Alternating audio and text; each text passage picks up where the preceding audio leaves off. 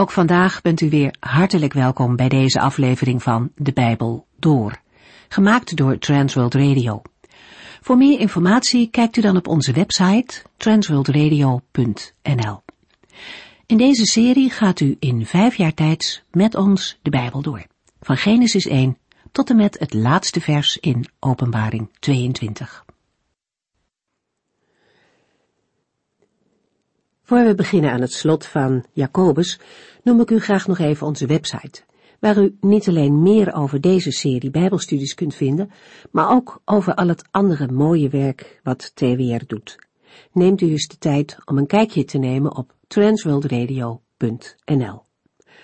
En als u vragen heeft, dan kunt u ook ons telefonisch bereiken 0342 478432.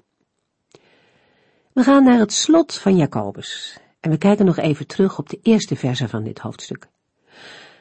Welaan nu, zegt Jacobus hier voor de tweede keer in zijn brief. Bij de eerste keer wees hij erop dat we de Heere niet buiten onze plannen moeten laten. In grote en in kleine dingen mogen we beseffen dat Hij ons leven wil leiden. In hoofdstuk 5 spreekt de apostel de rijken aan. En specifiek die rijken die ernaar streven om steeds maar meer en meer te hebben. Mensen die er niet voor terugdeinzen om het ten koste van anderen te doen, om zelf rijker te worden. Jacobus spreekt over de manier waarop zij hun geld hadden verkregen en wat ze ermee hebben gedaan. Hij zegt niet dat het verkeerd is om rijk te zijn. Het probleem ligt niet bij het geld, maar het geld kan een probleem worden als mensen er verkeerd mee omgaan. Als mensen hun hart zetten op het feit dat ze steeds meer geld willen hebben. In Psalm 62 lezen we al een waarschuwing van David. Als het vermogen groeit, zet het hart er niet op. Het gaat erom waar ons hart is. Is het bij het geld en bij ons bezit, of is ons hart vol van de Heere? Jacobus herinnert de lezers er ook aan dat dit leven niet het einddoel is, maar dat de Heer zal terugkomen en recht doen aan hen die onrechtvaardig behandeld werden door deze rijken. De Heere hoort en ziet wat er gebeurt op aarde. Ook voor de rijken is dat een waarschuwing. De tijd op aarde duurt niet zo lang. Het einde van de tijd is dichtbij, maar omdat men zo druk bezig geweest is met het verzamelen van rijkdom, heeft men daar niet over nagedacht. En dan doen al die rijke schatten er niet meer toe. Ze verliezen hun waarde en laten deze rijken berooid achter. We gaan hier verder en lezen Jacobus hoofdstuk 5 uit. De vorige uitzending sloten we af met het lezen van Jacobus 5, vers 5 en 6, waar we lazen: U hebt op aarde veel plezier gehad. U hebt in grote weelde geleefd en uzelf vet gemest, zoals een dier wordt vet gemest voor de slacht. U hebt goede mensen die zich niet tegen u konden verdedigen, veroordeeld en gedood. Jacobus maakt in de eerste verse van Jacobus 5 duidelijk hoe waardeloos rijkdom is. Hij zegt niet dat rijke mensen waardeloos zijn, maar in het licht van de wederkomst van Christus heeft rijkdom en veel geld geen enkele waarde. Een gelovige moet bezig zijn met zijn tijd te gebruiken om schatten te verzamelen die goed zijn in het eeuwige koninkrijk van God. Het geld zelf is het probleem niet. Predikanten en voorgangers hebben voor zichzelf en hun gezinnen geld nodig om te leven. Zendelingen en evangelisten hebben geld nodig om het evangelie bekend te maken. Kerken en gemeenten hebben geld nodig om hun werk goed te kunnen doen. Wat is dan het probleem waar Jacobus het over heeft? Het is de liefde tot het geld die tot het kwaad leidt. Ook daarin sluit Jacobus aan bij het onderwijs van de Heer Jezus en de apostel Paulus. Jacobus verwijt de rijken dat zij met hun wilderig leven rustig doorgaan, ook nu de dag van het grote oordeel nabij is. Jacobus wijst de rijken erop dat het hen ten male aan waakzaamheid ontbreekt. De aanklacht van Jacobus in de eerste zes versen van hoofdstuk 5 blijkt uit drie punten te bestaan. Om te beginnen verwijt Jacobus de rijke grootgrondbezitters dat ze hun arbeiders beroven. Dan werpt hij hun voor de voeten dat zij veel te wilderig leven. Hij maakt hun duidelijk dat zij goede mensen, met andere woorden de rechtvaardigen, verdrukken. En dat terwijl zij van hun kant geen weerstand konden bieden. Dat maakt het onrecht dat zij hen aandoen nog groter. Hoe ernstig dat wel is, laat Jacobus uitkomen met twee woorden, namelijk veroordeeld en gedood. Jacobus 5, vers 7. Broeders en zusters, wacht geduldig tot de Heere terugkomt, zoals een boer tot de herfst wacht om zijn oogst binnen te halen. Met vers 7 begint weer een nieuw gedeelte, maar de versen 7 tot en met 11 over de wederkomst van de Heer Jezus hangen nauw samen met de vorige versen, waarin de dag van het grote oordeel werd aangekondigd. Uit de woorden van vers 7 blijkt dat het gevaar groot is dat de gelovigen, met name de armen, onder alle druk hun geduld verliezen. Daarom richt Jacobus zich in vers 7 tot hen met de oproep: Wacht geduldig tot de Heere terugkomt. Het oordeel over hun rijke verdrukker staat immers voor de deur. Dat is voor hen de dag van de bevrijding. In tegenstelling tot de rijken spreekt Jacobus de arme en verdrukte gelovigen aan met broeders en zusters. Om zijn oproep kracht bij te zetten, gebruikt Jacobus een voorbeeld uit de ervaringswereld van zijn lezers. In hun situatie moedigt Jacobus de armen en verdrukten aan te denken aan wat een boer doet als hij zijn land heeft ingezaaid dan wacht hij geduldig op het rijpen van de oogst. Met het oog daarop kijkt hij uit naar de vroege en de late regen. Voor een goede oogst is regen onmisbaar. Jacobus 5 vers 8 Wees dus geduldig en houd moed, want het duurt niet lang meer voordat de Heere komt. In vers 8 herhaalt Jacobus nog eens zijn oproep uit het begin van vers 7. Een boer moet tijdens het rijpen van zijn gewassen geduldig wachten tot het tijd is om te oogsten. Dat moeten de gelovigen ook doen, bij hun wachten op de wederkomst van de Heer Jezus. Wees dus geduldig. En dat niet alleen, zij moeten ook moed houden. Terwijl de rijken van wie zij zoveel hebben te lijden telkens maar bezig zijn hun harten vet te mesten, moeten zij er juist voor zorgen dat hun harten sterk worden. Als motief voor zijn oproep voert Jacobus aan dat de komst van de Heere nabij is. Zij leven nu in het laatste der dagen. Ze hoeven niet lang meer te wachten. Ook in dit opzicht grijpt Jacobus terug op het Oude Testament en wel op Psalm 37. In Psalm 37, vers 34 lezen we: Zie onder alles uit naar de Heer en blijf op zijn weg. Door de hele Bijbel worden gelovigen opgeroepen om in het licht van de komende Messias, Jezus Christus, te leven. Jacobus 5, vers 9. Mopper niet op elkaar. Is op uzelf dan niets aan te merken? Ik wil u er nog eens op wijzen dat de Heer eraan komt, opdat u hierom niet veroordeeld wordt. In het vorige vers roept Jacobus de armen en verdrukten op geduldig te volharden in hun hoop op de wederkomst van de Heere, die niet meer lang op zich zal laten wachten. Maar juist daarom moeten zij niet tegen elkaar mopperen. Met dat laatste zal Jacobus bedoelen dat zij niet ten nadele van elkaar moeten spreken. Zulk gemopper tegen elkaar, hoe begrijpelijk ook, is nu niet direct bevorderlijk voor de volharding waartoe Jacobus hen aanspoort. Bovendien roepen zij met mopperen het oordeel van God over zichzelf af, en daardoor zullen zij bij het komende gericht ook zelf worden veroordeeld. Om zijn waarschuwing kracht bij te zetten, wijst Jacobus hen erop dat de Heere, de rechter, voor de deur staat. Zij moeten er goed op bedacht zijn dat de Heere niet alleen als verlosser komt, maar ook als rechter. In die laatste kwaliteit zal hij niet alleen oordelen over de onderdrukkers, maar ook over de verdrukten. God is de rechter van alle mensen, en zijn oordeel is op handen. Jacobus 5, vers 10. Neem een voorbeeld aan de profeten die namens de Heere hebben gesproken. Als zij slecht behandeld werden, lieten zij het over hun kant gaan. Om hen ertoe aan te zetten het onder alle druk toch vooral uit te houden, wijst Jacobus zijn arme en verdrukte lezers nog op een heel ander voorbeeld. Zij zijn beslist niet de eersten die het zo moeten ontgelden. Neem een voorbeeld aan de profeten die namens de Heer hebben gesproken.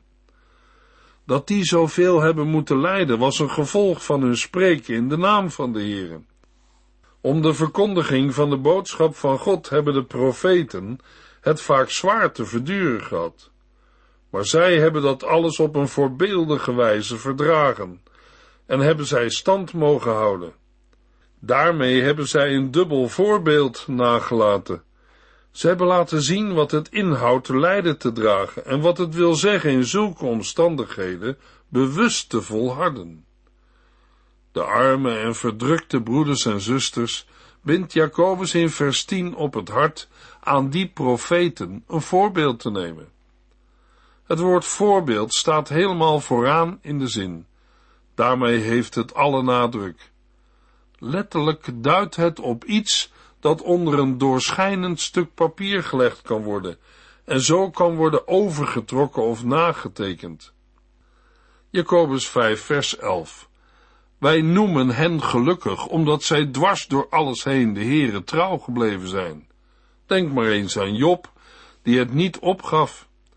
U weet hoe het met hem afliep. Daaruit blijkt dat de Heere liefdevol en goed is en vol medeleven zijn hulp geeft. In vers 11 begint Jacobus in de Griekse tekst, net zoals in vers 4, met het woordje zie of luister. Het is een extra aansporing om het voorbeeld van de profeten te volgen. Gelovigen die zo volharden onder lijden en verdrukking, worden gelukkig geprezen. Overigens herinneren de woorden sterk aan een zaligspreking van de Heer Jezus. Met de woorden denk maar eens aan Job, die het niet opgaf, roept Jacobus Job in herinnering. Van zijn volharding hebben zij gehoord. Job volhardde in zijn geloof in God, ondanks het verbitterde advies van zijn vrouw, de Heere vaarwel te zeggen en te sterven. Zo weten zij ook hoe het met hem afliep, dat de Heere in Jobs bittere levensweg een keer ten goede bracht. Daarmee doelt Jacobus op het eerherstel dat Job van God kreeg en op de dubbele zegen die de Heere hem gaf.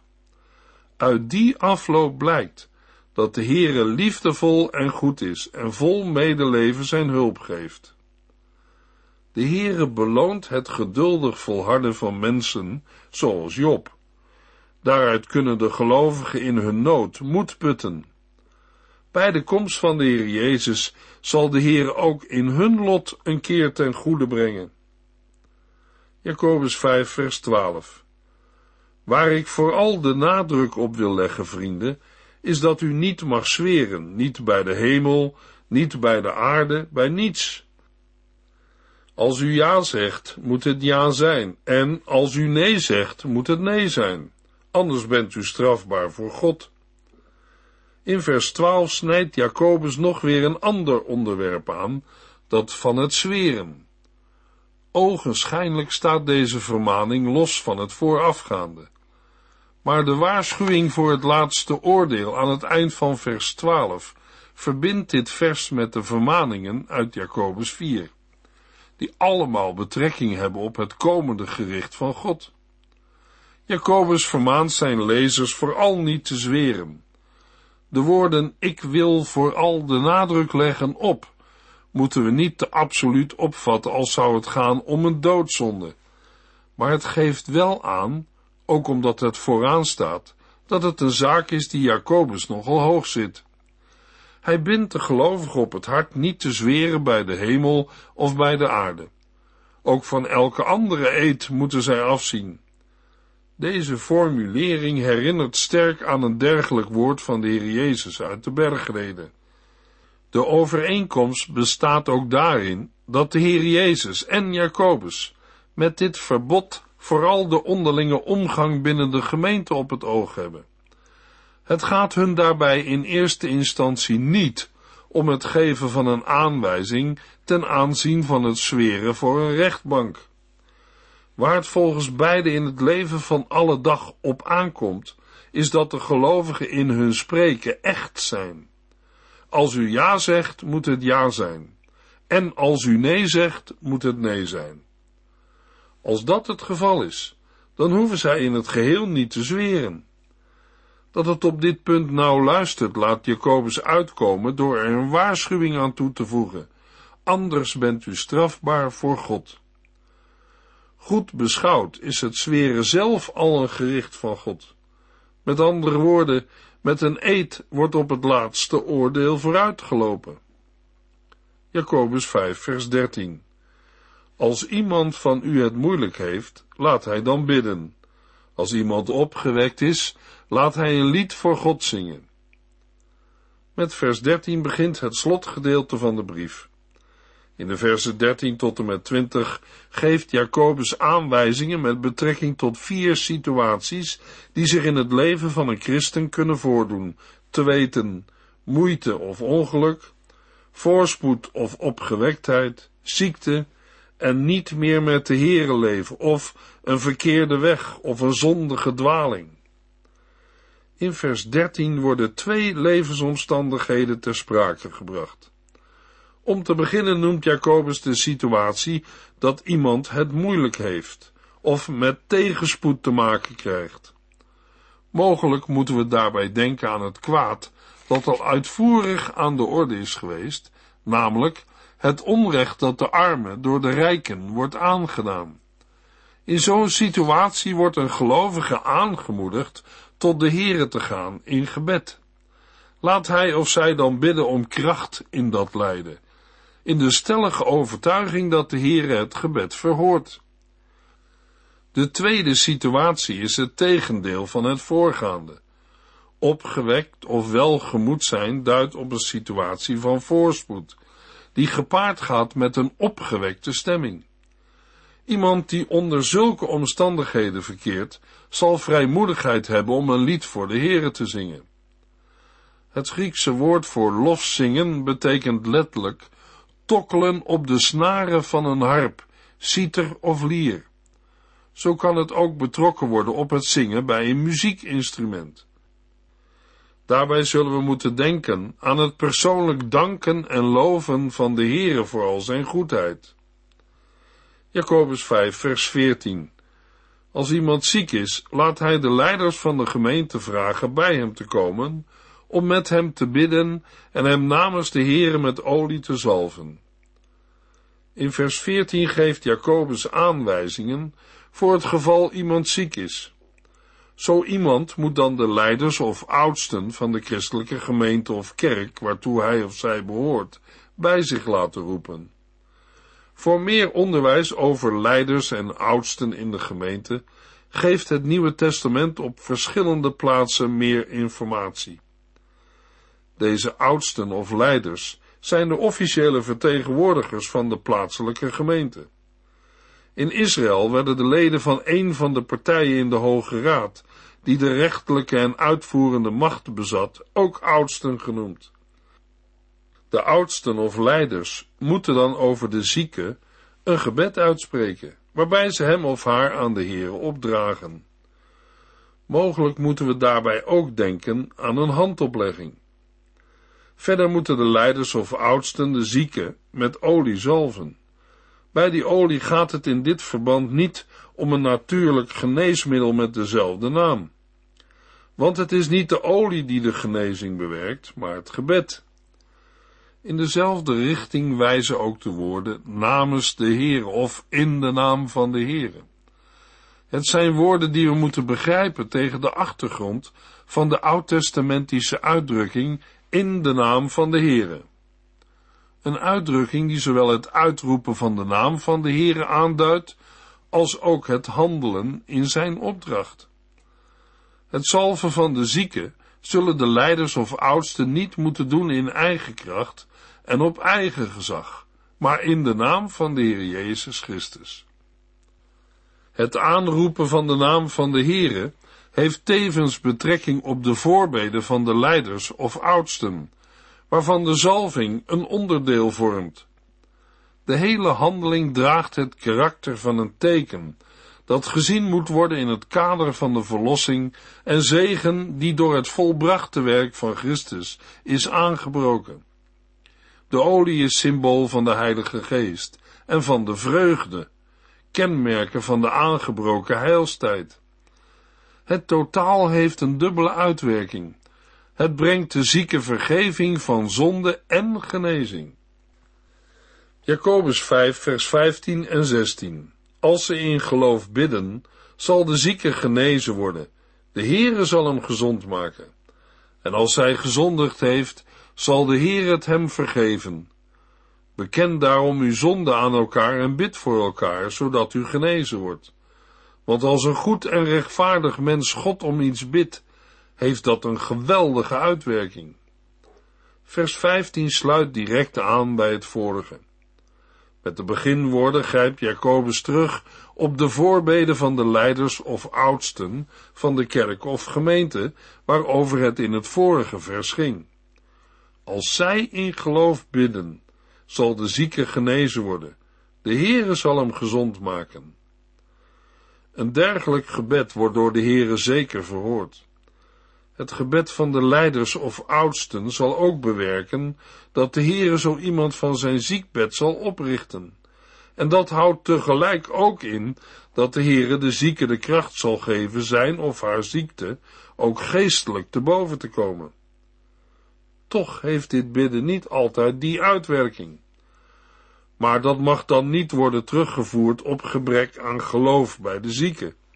Het houdt verband met het feit dat de beloofde heilstijd nog maar ten dele is aangebroken.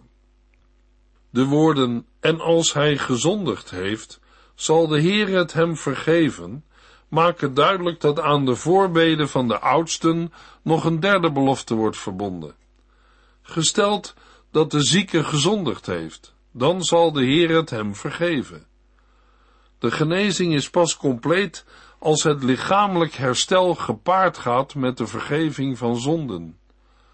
Dat Jacobus de slotzin van vers 15 met en als begint, laat zien dat hij niet bij voorbaat een oorzakelijk verband legt tussen ziekte en zonde.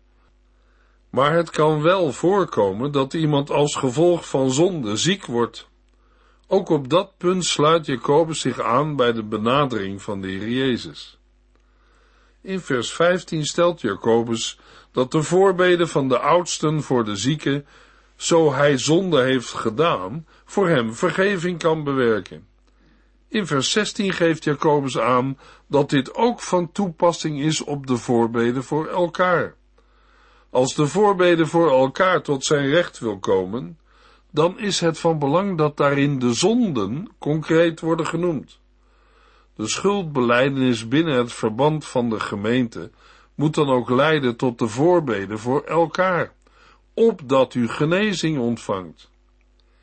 Jacobus 5, vers 17 en 18. Elia was een gewoon mens, net als wij. Hij vroeg God of hij geen regen meer op het land wilde laten vallen, en drieënhalf jaar lang viel er geen druppel regen. Daarna vroeg hij God het weer te laten regenen, en de regen viel in stromen neer. Het land werd weer fris en groen. In vers 17 en 18 grijpt Jacobus weer terug op een voorbeeld uit het Oude Testament. Jacobus wil zijn lezers laten zien dat het gebed van een rechtvaardige heel krachtig is en wijst hen op een gebeurtenis uit het leven van de profeet Elia. Jacobus 5, vers 19 en 20. Broeders en zusters, als een van u niet langer met de Heere leeft, moet u hem weer bij de Heere terugbrengen. Als u iemand van de verkeerde weg terugbrengt, redt u hem van de dood en bedekt u al zijn zonden. De versen 19 en 20 hebben te maken met de levenswandel van gelovigen. Het gemeentelid waar het over gaat, is van de rechte weg afgegaan en heeft zich aan een zondige manier van leven overgegeven. Jacobus geeft aan dat als een broeder of zuster afdwaalt van de rechte weg, dat voor de anderen een reden is om zich over hem of haar te ontfermen en te proberen tot inkeer te brengen. Met de verzekering en belofte in vers 20 sluit Jacobus zijn brief af. Als u iemand van de verkeerde weg terugbrengt, redt u hem van de dood en bedekt u al zijn zonden. Luisteraar, zijn er in uw omgeving mensen die u mogelijk mag terugbrengen van een verkeerde weg? In de volgende uitzending maken we een begin met het lezen en bespreken van het Bijbelboek Joël uit het Oude Testament. U heeft geluisterd naar De Bijbel Door, in het Nederlands vertaald en bewerkt door Transworld Radio. Een programma waarin we in vijf jaar tijd de hele Bijbel doorgaan. Als u wilt reageren op deze uitzending of u heeft vragen, dan kunt u contact met ons opnemen. Tijdens kantooruren kunt u bellen op 0342 47 8432. 0342 47 8432. Ook kunt u een e-mail sturen naar de en natuurlijk kunt u ook via de post ons bereiken. TWR, postbus 371, postcode 3770, AJ in Barneveld. Dit programma werd gepresenteerd door Cor Weda en Ike André.